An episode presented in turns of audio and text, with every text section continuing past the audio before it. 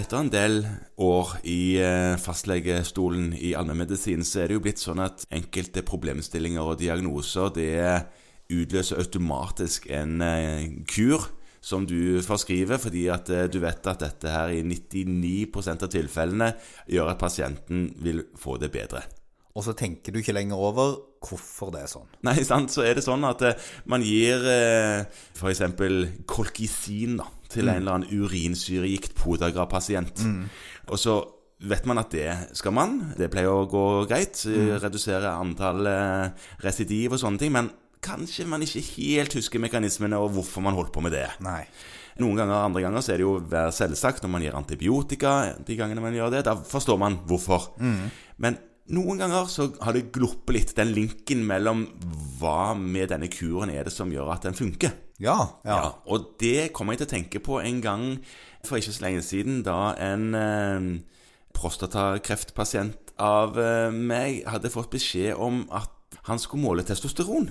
Ja. Ja, Ja. for det hadde han eh, hørt når han hadde vært i kontakt med sin urolog, som han hadde en sånn telefon Han kunne ringe til en avdeling på sykehuset. Ja. eh, Og fått vite at han eh, kunne snakke med fastlegen sin og bl.a. måle testosteron. ja. Og det, det hadde du glemt. Ja, altså, det var eh, Altså, jeg vet jo at når jeg, Du vet hva testosteron er for noe? Jeg vet hva testosteron er for noe, og jeg vet òg at man skal måle det på morgenen. Og at det kan være lurt å ta dette serum binding eh, det globulinet. SHGB. Ja, Seksualhormonbindende Globulin. globulin, ja. Mm. Denne der, og så rene fri testosteron-ratio og sånt. Ja. Og så vet jeg jo òg at når jeg driver og stikker Soladex inn i magefettet på disse gutta ja. Husker på at det er et implantat. Ja, Det er ikke en injeksjon. Nei, det er et implantat Ja. som utløser noen takster. Ja. Ja, husk det. Ja. 100. Ja. Ja, Det var litt på siden, da. Ja. Men husk det. Ja. Men du kan ikke ta utstyrstakst. Nei. Husk det òg.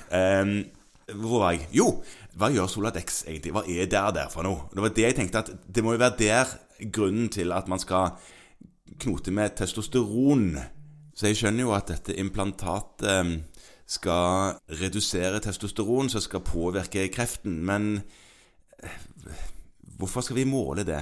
Ja, altså, eh, da må vi tilbake igjen til det som er poenget, og det er at når man gir disse medisinene, så gjør man det man kaller en kjemisk kastraksjon. Ja, det er jo eh, skummelt for de fleste med prostatakreft å få beskjed om at de skal på noe som helst vis kastreres. Ja, Ja. Det, det er et ord som jo i dagligtalen kanskje har en litt sånn ugrei klang. Ja, den har en ugrei klang. Ja, em, men, og da er det jo sånn at faktisk så kan man gjøre både kirurgisk og kjemisk kastraksjon. Ja. Ja, og det er slik at i noen tilfeller, hvis man har prostatakreft, så er det et alternativ å gjøre en kirurgisk kastraksjon. Hvis, fordi at veldig mange av disse kreftcellene er testosteronavhengige. Ja, hormonsensitive. Ja. Det er bensin, dette her. Ja, ja. og de vil dø hvis de ikke får testosteron. Ja, nettopp. Ja, og dermed er det sånn at hvis man klarer å fjerne testosteron, så dør store deler av kreftcellene. Dette har man jo òg i enkelte av brystkrefttilfellene òg. At Ja. de er østrogenavhengige. Eh, God presisering. Østrogen, ja. Ja, ja. ja, ja. ja. Mm. Sånn at da er det behandlingsprinsippet vi må prøve å huske på når vi driver og setter disse implantatene, eller det er jo ikke alltid vi gjør det sjøl heller. Mm. Eh, og at poenget her er å bli kvitt testosteronet. En annen presisering kan jo være at disse antitestosteronhormonene står heller ikke på dopinglisten. Nei, det er jo et godt poeng. Det er Mm. ikke så mange som vil ta de. Jeg ser ikke helt hvilken effekt det skulle hatt. Men, men eh, når man da setter dette, så er poenget faktisk å kvitte seg med testosteron. Og da man ofte kommer opp med spørsmålet hva er testosteron, sånn som du fikk, eller Mm. pasienten din fikk, Ja. eh, så er det fordi at man rett og slett lurer på funker behandlingen. ja, altså virker denne her blokkeringen, virker den kjemiske kastraksjonen? Ja, For når man da får en mistanke om enten via at man har sett noe som ser metastaselignende ut på, på et bilde, eller klinisk, eller ved at PSA har begynt å bevege på seg, så er spørsmålet som vi skal stille oss, og som urologen òg stiller seg, er stiger dette nå på tross av, eller på grunn av at det fortsatt er testosteron i systemet?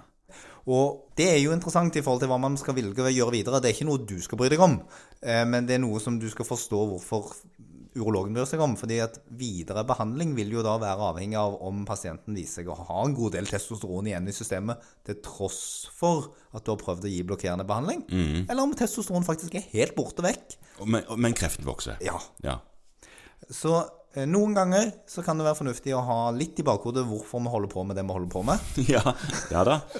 Sånn at du ikke blir sittende og lure når du får spørsmål om hvorfor har du kunne du tenkt deg å måle SHBG og testosteron hos denne pasienten, Ja. og sende det til meg så snart som mulig, sånn at pasienten kan få en effektiv behandling hos urologen. Mm, mm. Lurt.